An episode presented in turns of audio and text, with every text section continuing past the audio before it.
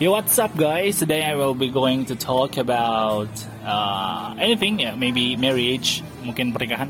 Gue lupa intronya karena udah lama banget kita nggak podcast. Jadi uh, di sini ada Ijam. Halo, balik lagi sama gue. Halo newcomer Anwar. Bukannya Aul, Aul, Aulia Anwar dan uh, uh, Irsyam atau Ijam kita sebut udah pada familiar kalau nggak salah. Um, kita ngalir aja lah ngomong ngomong pernikahan ya. Gimana nih yang yang sudah uh, punya momongan Yang udah punya momongan lanjut aja sih. Pokoknya yang paling penting mah kalau pernikahan kalau belum dapat momongan gak usah dipentingin walaupun yang paling parah ya ketika lu udah setahun nikah terus lu belum punya momongan mak lu udah bertanya yang lebih kacau nya lagi mak lu bertanya istri lu dipakai kok enggak frontal juga mama kau itu ya. Oke, eh, tadi lu sempat ngebahas tentang eh, apa tadi? Eh, sebelum nikah ya. Sebelum nikah itu yang paling cantik, eh apa? Yang paling penting adalah kecantikan yang gue bilang tadi ya. iya Terus eh, setelah nikah yang ternyata ternyata yang paling keren itu bukan masalah kecantikan kalau udah udah lu ngerasain lu ngerasa cantik itu mantep ya karena mungkin pas lagi pacaran lu bisa show up ya. Oke oke. Eh, gimana kalau misalnya kita tanya nih yang sama yang sebelum nikah? Yang sebelum yang sebelum nikah ini eh, punya pandangan apa nih terhadap kriteria eh, istri? Yo, eh, kalau gue, Nikah, cinta janda-janda bohai wih janda, janda bro janda janda empat nomor Janda satu ya. bohai. Kenapa kalau kata janda itu menjurkan gitu? Janda, kamu gua ada janda cantik anjir janda lagi. Jadi kamu Gimana? Gimana gimana? Ya menurut gue cantik itu nggak cuma dari fisik sih Walaupun sebenarnya gue nggak munah juga sebagai cowok Fisik akan akan dilihat baik diri sendiri ataupun orang lain Cuman kalau cantik menurut gue itu nggak cuma secara fisik Tapi dari eh, pola pikir Baik dia dalam berbi- ber- kita berkomunikasi ataupun dia menyelesaikan masalah itu menurut gue cantik juga sih Oke oke oke. Eh, menurut gue sih yang tadi gue pernah bilang ya eh, cari yang seksi gitu dan seksi itu juga punya beberapa poin gitu loh. Ada yang seksinya secara punya sudut pandang yang seksi misalnya atau punya perspektif yang baik atau punya pemikiran yang bagus Eh, itu menurut gue atau ada beberapa cowok yang pengen seksi secara religi gitu kan. Eh, jadi ukti-ukti tanpa naukti gitu kan. Nah kalau lu sendiri gimana? Gue sih nggak tahu ya perspektif cantik ya. Kalau gue sih ngelihatnya secara fisik kalau cantik mah. Cantik kan glowing cakep bohai. Tenya gede itu kan. Itu cantik menurut gue ya fisik physically ya. Pipinya cabi-cabi gitu lah pokoknya. Physically banget gue kalau ngelihat cantik. Tapi pas udah nikah ini cantik itu nggak ada nggak ada gunanya gitu. Gue karena ketika lu udah ngela- ngelakuin hubungan rumah tangga yang pertama kali lu ngerasain kenikmatan adalah pelayanan dari seorang istri. Pelan- ketika lu pulang kerja capek mumet tiba-tiba istri lu datang terus nawarin. Event itu cuman kecil ya air es gitu. Tapi dia datang mas sudah pulang. Ini mas air esnya. Terus mas mau mandi?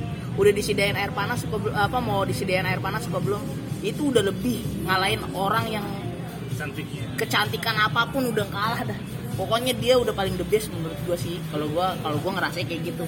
Pelayanan seorang istri itu luar biasa. setelah, setelah nikah ya. Itu kalau udah nikah tapi kalau ketika lo lagi pacaran lo cari yang paling cantik karena itu yang bisa lo pamerin sama temen-temen lo dan gak malu juga dibawa buat ke kondangan ya? Iya oke oke. Tapi lo bakalan ke bokap gua sebelum meninggal ya? Sempet wasiat sama gua nyari pacar boleh lah kayak jeruk. Mulus. Mantep. Tapi kalau nyari istri itu terus becek ya? Eh, tapi kalau kalau nyari istri tuh kayak buah manggis.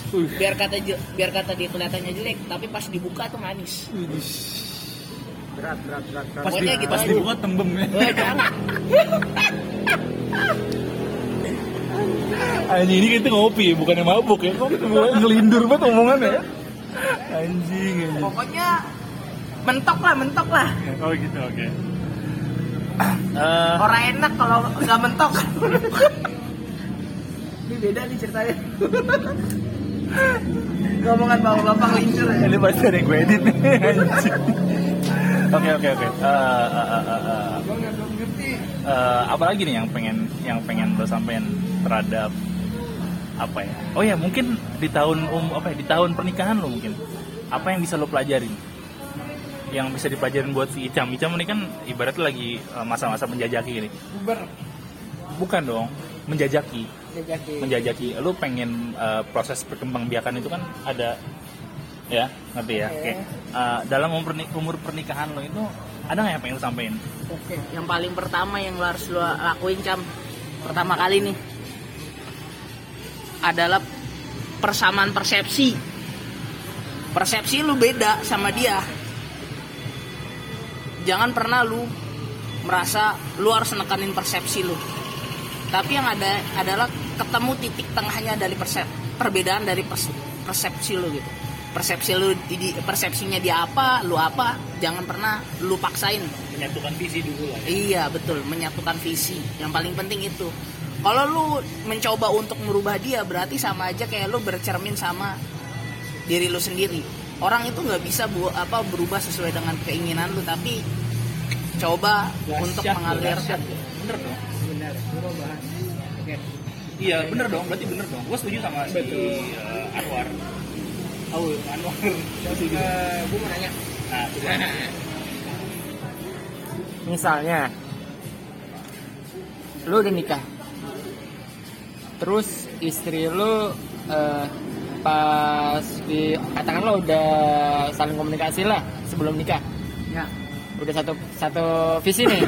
Ternyata pas di nikah dia nggak melakukan apa yang dia ucapin. Katakan sebelum lu sebelum nikah, pernikahan. nggak pas udah nikah tapi nggak dilaksanain gitu. perjanjian yang- Perjanjian itu yang Iya. udah Hak- itu lo gimana? hak- apa ya hak hak suami tidak ditunaikan Jadi ya lu lebih berperan sendiri. Katakanlah eh, urusan rumah tangga lu kan kerja. Ya. oke. Tapi lu yang be- beberes rumah juga yang ngurus-ngurus semua. Eh, your friend right? Oke. Lu akan gimana sih? Lu sebagai suami?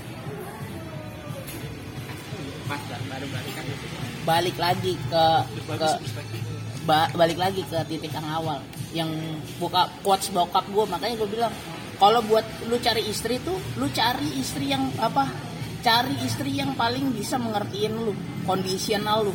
Kalau istri tuh lu ubek-ubek dulu lah lu mau ngapain dia lu cari titiknya.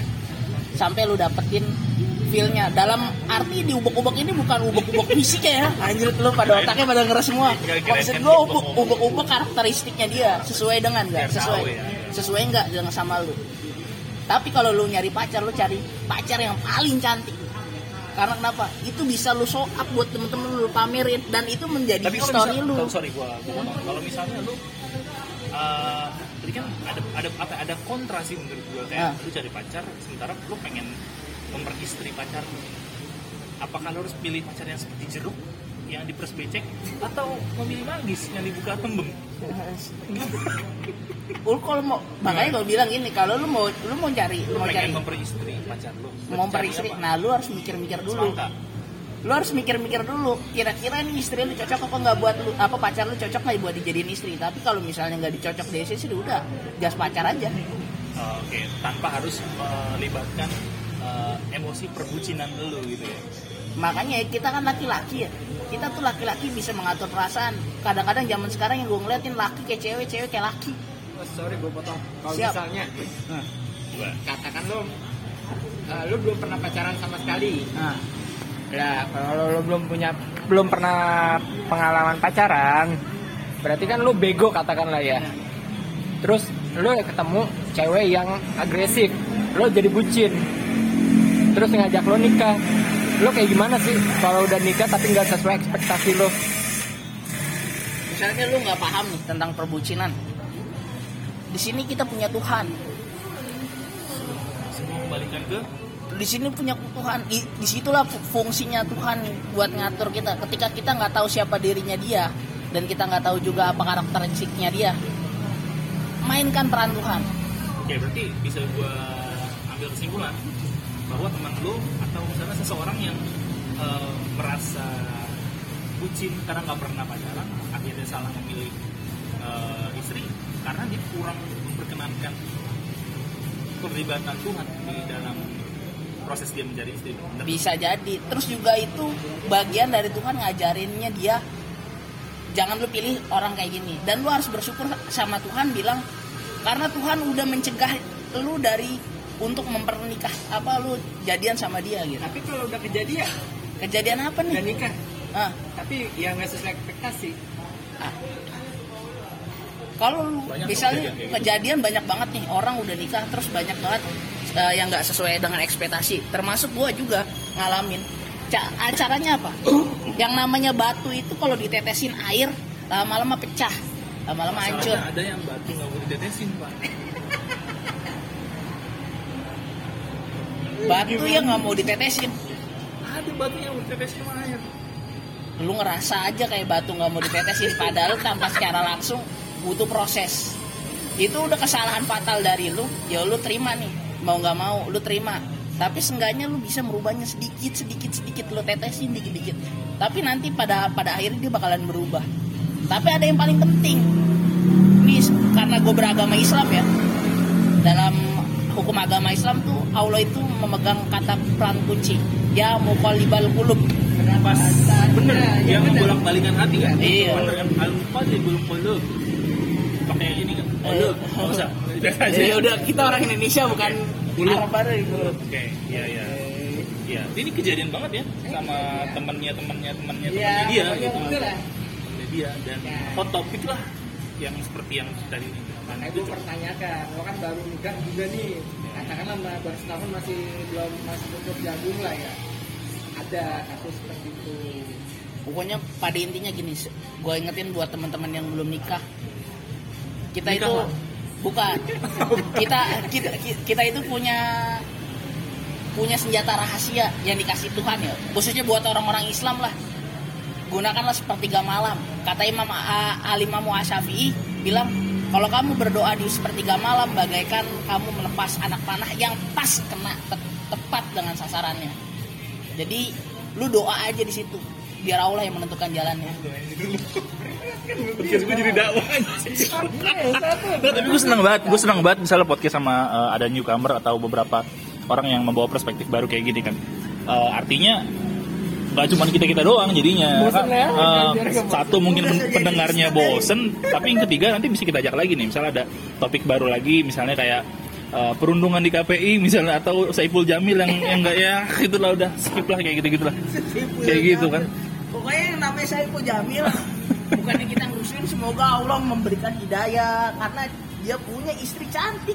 Mengapa sama laki-laki? Mengapa milihnya Batang? Gitu. Oke, oke. eh, Skip lah. Iya, skip. Eh, un, apa ya pertanyaan yang paling enak ya? Di umur pernikahan berapa rata-rata lu mengalami kendala? Lu berapa tahun sih nikah? Dua tahun ya? Baru 2 tahun. Dua tahun berarti lagi- pertama itu lagi pahit-pahitnya karena Tapi emang, eh, tapi yang gini, tapi gue setuju sih kalau ada orang yang bilang ah, tahun pertama dan kedua itu memang tahun yang sulit untuk pasutri yang baru nikah.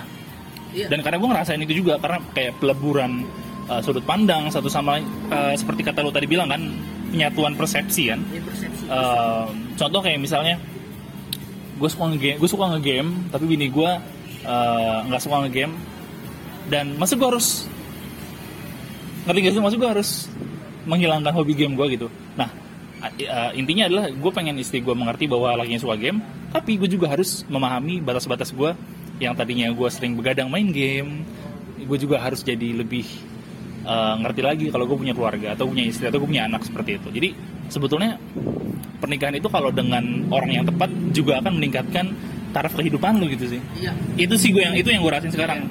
Dulu gue kayak gembel gitu loh kurus dan segala macam. Tapi setelah gue nikah gue punya Jadi apa? iya buncit Bapak-bapak lah buncit iya ya. bapak-bapak buncit yang Itu sebenarnya bapak-bapak buncit disebabkan bukan gara-gara anda dirawat sama istri, tapi karena kebanyakan ngentot maksudnya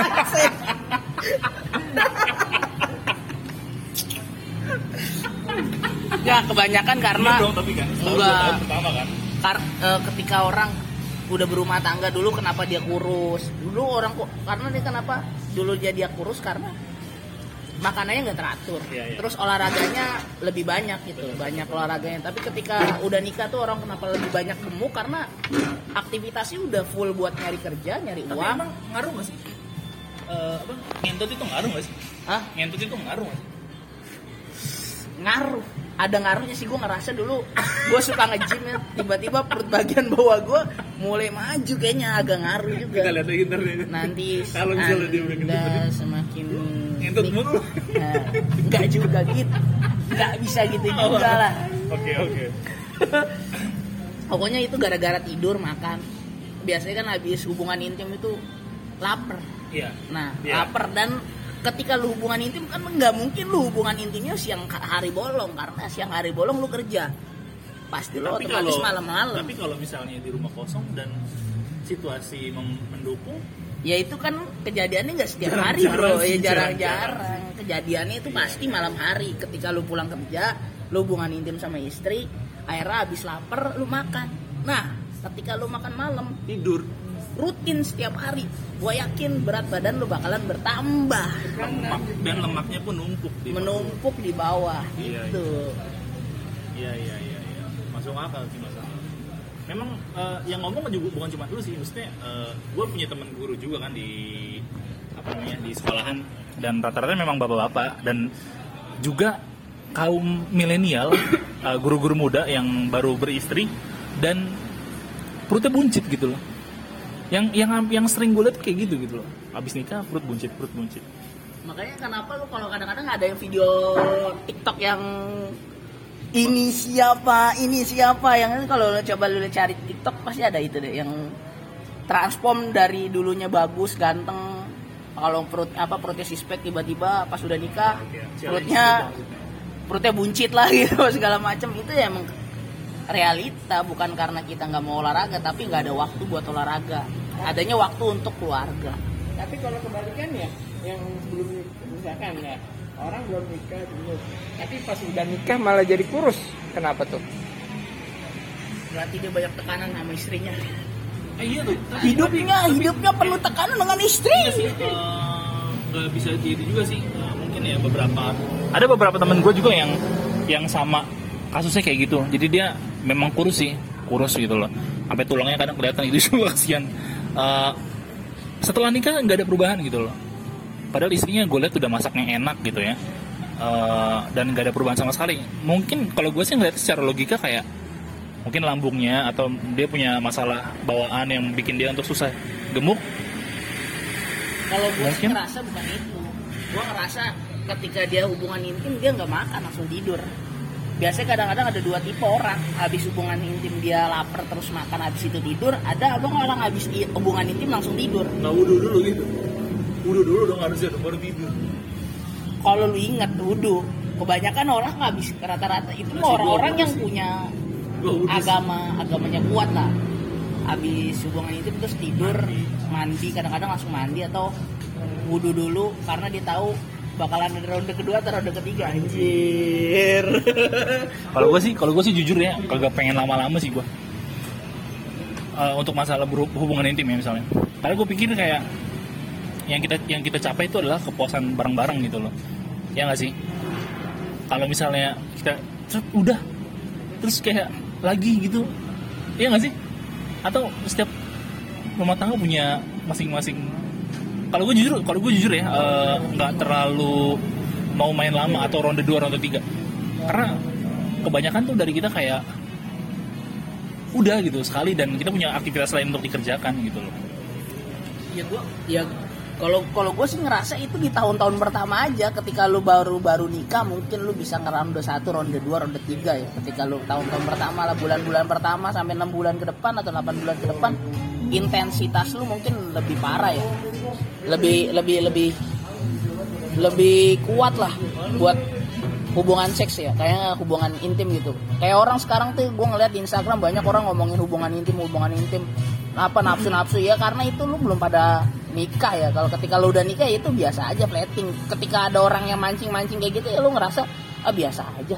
Ketika lu udah keluar ya udah nggak ada mas nggak ada nggak ada masalah lagi. Makanya hubungan intens seksualitas itu ya di tahun pertama. Ketika lu udah mulai ke tahun kedua tahun ketiga mungkin kayak bapak-bapak kita udah tahun 10 mungkin lah setelah keluar udah lah. Sekali aja udah cukup ibu-ibu juga pasti sekali aja udah cukup apalagi gitu. apalagi kalau eh, istri lo udah apalagi kalau istri lo udah mulai apa namanya eh, habis lahiran gitu kan. Biasanya ada hormon yang menghalangi dia untuk lebih tidak gampang sange gitu loh. Jadi eh, untuk merangsang eh, mereka ini agak susah gitu karena mereka mungkin habis lahiran gitu kan. Karena gue dengar ada yang kayak gitu juga. Nah kalau menurut lu gimana? Mungkin lo ada planning planning ke depan dalam hal seksualitas? Brengsek nih emang kelakuan anjir. Ganti bahasan terakhir kok tenang aja bahasan terakhir. Jadi kita udah penjajakan eh, umur pernikahan, sekarang mungkin kita lebih ke seksualitas. Yang menurut lo proper aja buat disebutin kalau misalnya lo ter- dirasa terlalu privasi, lo bisa lo bisa apa ya eh, atur lah bahasa bahasa lo gimana? kalau gue pribadi gue belum bisa jawab pasti ya karena kan gue belum Tapi lo sangen gak sih lo? Enggak ya? nggak juga Enggak juga sih ya? nggak nggak salah lagi ngomong melakukan misalnya Kan istri lu telanjang di depan Enggak lo kan ada dong. Ada. kan ada dong tiba-tiba saya nggak sangen tapi di rumah waduh wadidaw Wadidaw. Tapi buat nikah kunci kata gua jangan kebanyakan sorry onani. Onani. Gua nggak mau ngomongin coli kayak kasar banget. nggak apa-apa coli coli Pokoknya gitu loh, lu jangan kebanyakan coli. Jika lu kebanyakan coli, itu kesian istri lu karena lu bakalan ejakulasi dini duluan. Dan gua ngerasa pertama kali yang gua alamin seperti itu.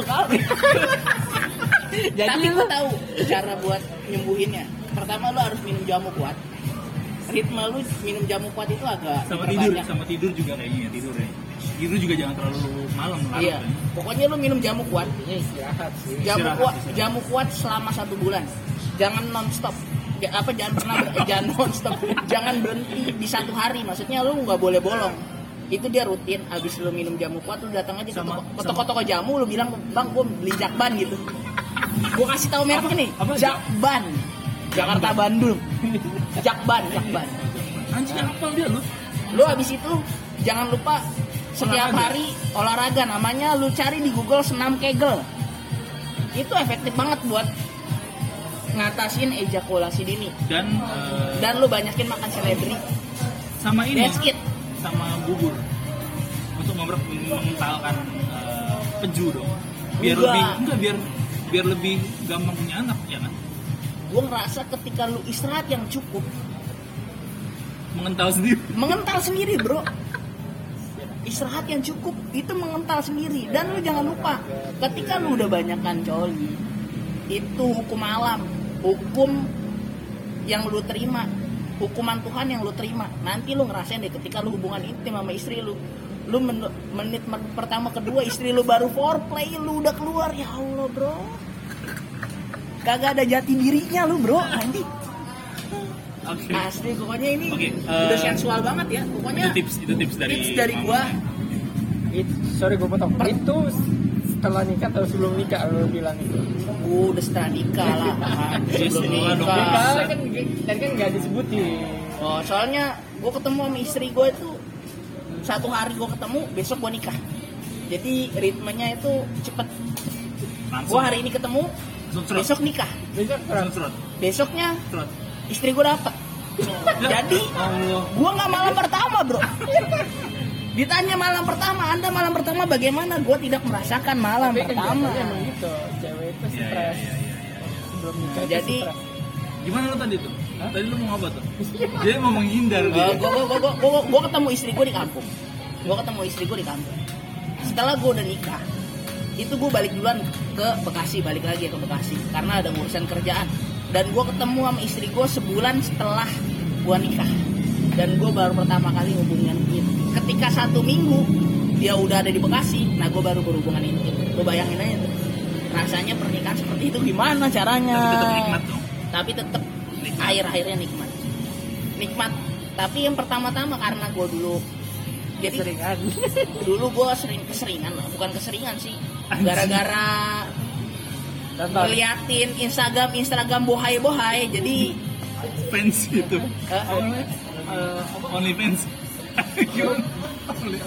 apa sih? Kadang-kadang kadang-kadang sering sering sering coli gitu. Makanya makanya gue bilang lu lu lu lu jangan beda.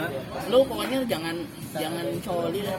Kalau bisa lu kurangin intensnya jangan se- seminggu bisa tiga kali atau empat kali itu bahaya. Bahayanya kalau seminggu sekali nggak apa-apa kalau seminggu sekali ya itu terserah pribadi lo sih. Tapi setelah gua nikah gua nggak sama sekali gua- udah udah nggak ada rasa lagi kepikiran sama sekali buat tapi coli. sebentar gue potong sebentar gue potong.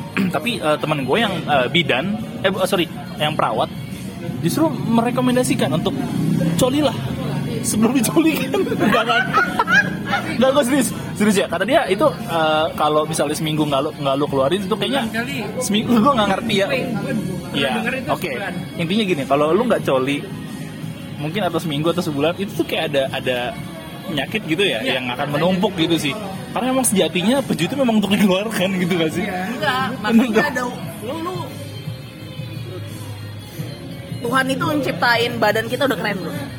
Ketika dia kalau kalau coli kan lu paksa dia untuk keluar. Tapi ada yang namanya kita sebagai laki-laki itu ada mimpi basah. Nanti tanpa secara langsung dia keluar. Kalau enggak ketika lu ngencing itu keluar. Jadi pertobatan gua di antara dunia percolian itu sebelum gua nikah itu ada mungkin seta- setahun lah atau 8 bulan sebelum gua nikah. Itu gua bertobat. Bertobat dari gimana, bertobat dari kecolian. Jadi hukum karena gua orang Islam ya jadi benar yang dikatakan hadis bahwa tanggal 13 12 13 14 15 itu adalah puncak nafsunya seorang laki-laki. Itu nanti fatal banget. Makanya disunahkan di situ untuk berpuasa tanggal 12, 13, 14 dalam bulan Islam ya. Bulan Islam itu mengacu pada bulan purnama, bulan bulan yang di atas langit tuh kan. Ada bulan. Nah, ketika udah bulan pertama bulat itu pasti nafsu kita meledak-ledak. Nah, ketik, bagaimana cara tipsnya untuk menghilangkan nafsu tersebut? Yang pertama, lu lari keliling lapangan sampai lu capek. Itu yang dulu gua lakukan setiap hari. Ketika nafsu gua lagi meledak-meledak, gua lari selar-larnya sampai gue capek kadang gue pagi lari gue siang lari gue malam lari akhirnya karena capek nanti di akhirnya keluar tuh yang namanya kalau dalam Islam itu ada madi mazi Iya. sama mani Iya, iya. nah nanti madinya itu bakalan keluar Habis itu mandi. Hah? Habis itu mandi. pokoknya nanti lu ngerasain efeknya tapi setelah gue udah olahraga pun gue masih ngerasain pas ketika gue hubungan intim. gede banget. ketika gue hubungan intim itu gue ngerasain masih ejakulasi ini tapi gue lihat baca internet itu 20 sampai 15 menit orang hubungan intim itu udah normal. Itu udah normal. Tapi gue ngerasa pas gue di menit 10 gue keluar. Gue pernah soalnya ngelakuin eksperimen itu. Setelah itu gue akhirnya Eh, setelah itu gue coba coba eksperimen. Kesalahan-kesalahan gue atas dosa-dosa gue yang gue lakuin. Nah akhirnya gue coba eksperimen gue eksperimen di berbagai situs berbagai web berbagai situs-situs kesehatan. Gue cobain semuanya. Dan yang paling efektif adalah lu minum obat kuat selama satu bulan first. Terus setelah itu lu senam kabel setiap malam. Selama satu bulan itu lu senam kegel aja. Senam kegel itu cuma 4 sampai 5 menit doang kok. Nggak lama. Setelah itu lu makan seledri. Ya lu kalau mau kalau nggak suka seledri ya lu taruh ada di sop seledri. Apa pokoknya ada seledri seledrinya lah ya. Pokoknya pointingnya ada seledrinya. Setelah itu ya udah Bismillah lu berdoa sama Tuhan nanti normal. Nah alhamdulillah setelah gue melakukan itu ternyata hubungan intim gue lebih dari setengah jam. Waktunya ngelebihin dari standar kesehatan yang gue ngerasain dan akhirnya hubungan rumah tangga semakin harmonis. Ketika istri lu nggak keluar dan lu udah keluar duluan gue yakin rumah pasti rumah tangga lu sehari dua hari oke fine. Tiga hari nggak oke fine. Ketika lu udah seminggu pasti ada akan ada masalah. Masalahnya apa? Ketika istri istri nggak keluar maka hubungan lu akan semakin memburuk. Karena istri itu agak sensitif. Nanti dia buring-buringan lah marah-marah nggak jelas lah. Apalah sensitivitasnya luar biasa tingginya. Makanya di situlah butuhnya foreplay. Jangan lupakan foreplay. Poin tuh poinnya jangan mentang-mentang lu nafsu lu langsung hajar bro. Foreplay itu utama. Ada kuncian bagi laki-laki. Iya, itu juga kalau anak lu nggak bangun di tengah proses ya. lu belum ngerasain sih anjir.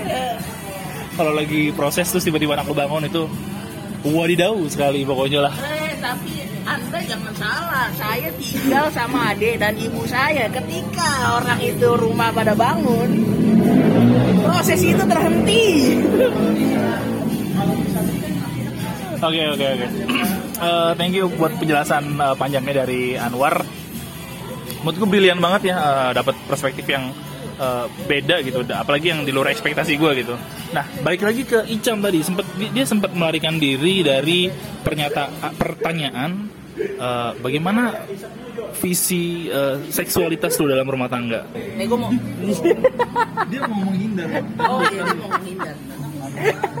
menghindar menghindar kan hobi gue cuy oke kalau masalah itu gue belum bisa jawab ya cuman satu gue harus lihat kondisi dari istri gue sendiri ya kan nggak mungkin kita dia pulang kerja capek kita langsung hajar kan nggak harus kayak gitu juga kan ya gue harus Oh bisa pak. Kuncinya apa? Saya udah bilang tadi. Tadi dulu, tadi kasih. Kuncinya adalah foreplay pak. Foreplay pak. Kuncinya foreplay. Istri itu dipancing-pancing dengan semua pasti dia yang tegas dulu. Cuman kalau misalnya dia pulang setengah malam jam 11 Ya lu harus ngertiin lah pak kalau misalnya. jam 11 jam 12 malam masa gue hajar Ya kalau lu kalau lu dibilang gini, kalau lu jago untuk memainkan perasaan, Enggak, enggak, enggak. Enggak, Sama Kalau sih, nggak setuju, gua nggak setuju itu. pasti itu bisa. Tapi kalau lu mau, Lalu ini lanjut dulu. Enggak. Silakan. Kalau lu mau sih anjir. Kalau lu mau itu. Ya gue harus lihat sikon istri gue dulu yang pertama Intinya lebih mengerti lah. ya. mengerti lah karena walaupun ya katakanlah hasrat lo lebih tinggi cuman kan lo harus mengkondisikan dia juga. Kan perasaan juga harus mem- eh, bikin relax pun itu salah satu kunci juga kan nggak mungkin lo semerta-merta karena lo nafsu lo harus hajar kayak gitu. Kalau gue sih lihat sikon sih.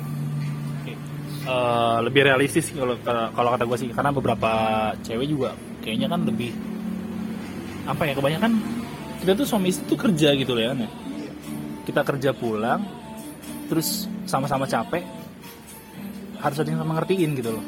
Kalau misalnya lu paksa dengan uh, sistem patriarki lu ngerasa uh, gue suami lo gue harus dilayanin segala macam gitu. Gue rasa kayak kurang adil aja gitu karena perempuan juga perlu uh, perlu space gitu perlu waktu juga gitu untuk uh, untuk merasakan apa ya untuk merasakan kenyamanan kesendirian dia gitu loh dalam tidak ada paksaan lah intinya gitu kan. Kalau lu pasti ngerasa harus ada paksaan. Nggak ada masalah paksaan sih. Ya balik lagi sih. Ter- tergantung skill sih. Orang kalau mau orang orang tergantung skill skill skill. Skill. Pakai bahasa Inggris. Karena di sini ada gorong bahasa Inggris. Gue kalau ngomong skill jadi salah gue jadinya. Nah itu tergantung tergantung lu memanipulasi perasaan. Jadi kalau orang terasa paksa itu kan karena ada karena lu salah kata-kata lu kata-kata lu lu langsung ngejas ayo yang sikat gitu. Kan nggak mungkin. Tapi ketika lu udah mulai pakai belayan lu pakai masukan ke dalam cerita-cerita dengerin ceritanya dia pas habis pulang kerja terus habis itu lu masuk ke dalam konteks pikirannya dia pasti lama-lama itu dia mengalir. Nah lu bakalan dapat sesuatu apa yang lu inginkan gitu. Tapi nggak bisa langsung tuduh poin karena perlu cewek itu punya perasaan yang luar biasa dalamnya dan lu mainkan poin perasaannya di situ. Jadi nanti yang muncul bukan rasa paksaan tapi muncul kerelaan. that's right that's right. Setelah kerelaan sebenarnya kesukarelaan. Nah ketika udah kesukarelaan akhirnya nyaman nyaman bro. Soalnya ketika lu lagi capek habis lu seks hubungan intim lu pasti langsung tidur. Kan pas lu bangun tidur itu kayaknya lega bro. Lega. Lega. Ya buat lu yang masih belum nikah ya nggak bisa merasakan. Contoh ya gue ceritakan rasanya pedes. Gue gue ceritakan rasanya pedesnya cabai cabai itu pedas begini begini begini. Apakah pedasnya cabai sama pedasnya lada itu sama nggak bisa karena rasa itu harus dirasakan bukan diceritakan karena kata-kata itu nggak mewakili rasa tapi rasa bisa mewakili kata-kata Subhanallah. Subhanallah. Sekali lagi. Ini kayak nggak usah gue edit lah ya, nggak usah gue apa gitu nggak usah lah, udah mengalir aja lah ya. Mengalir aja. Iya lah, ini eh, curhatan bapak-bapak generasi milenial emang suka rada ngaco gitu, tapi tapi ya bersyukurlah kita dapat sudut pandang lagi yang mungkin bisa jadi referensi buat yang pengen nikah seperti Bapak Ijam misalnya. Eh gue rasa eh, cukup untuk podcast kali ini. Kita bisa lanjut di topik berikutnya di Siniar Sastra. Goodbye. Bye. Bye bye.